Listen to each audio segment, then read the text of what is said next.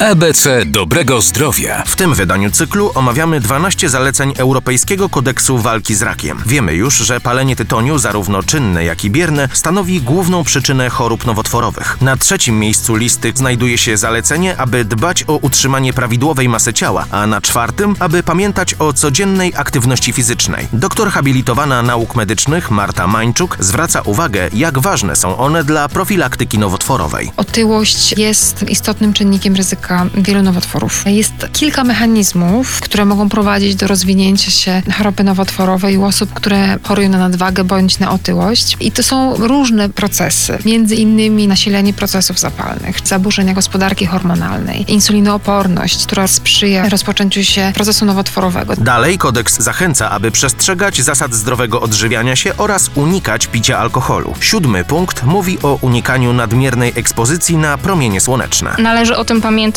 również zimą. Przypomina dr Anna Czarnecka. Największą uwagę należy zwracać na dzieci, bo to oparzenia skóry w wieku dziecięcym stanowią bardzo istotny czynnik ryzyka rozwoju czerniaka. W trzeciej części przyjrzymy się kolejnym zaleceniom. Kampania społeczna Planuje Długie Życie, realizowana w ramach Narodowej Strategii Onkologicznej we współpracy z Ministrem Zdrowia.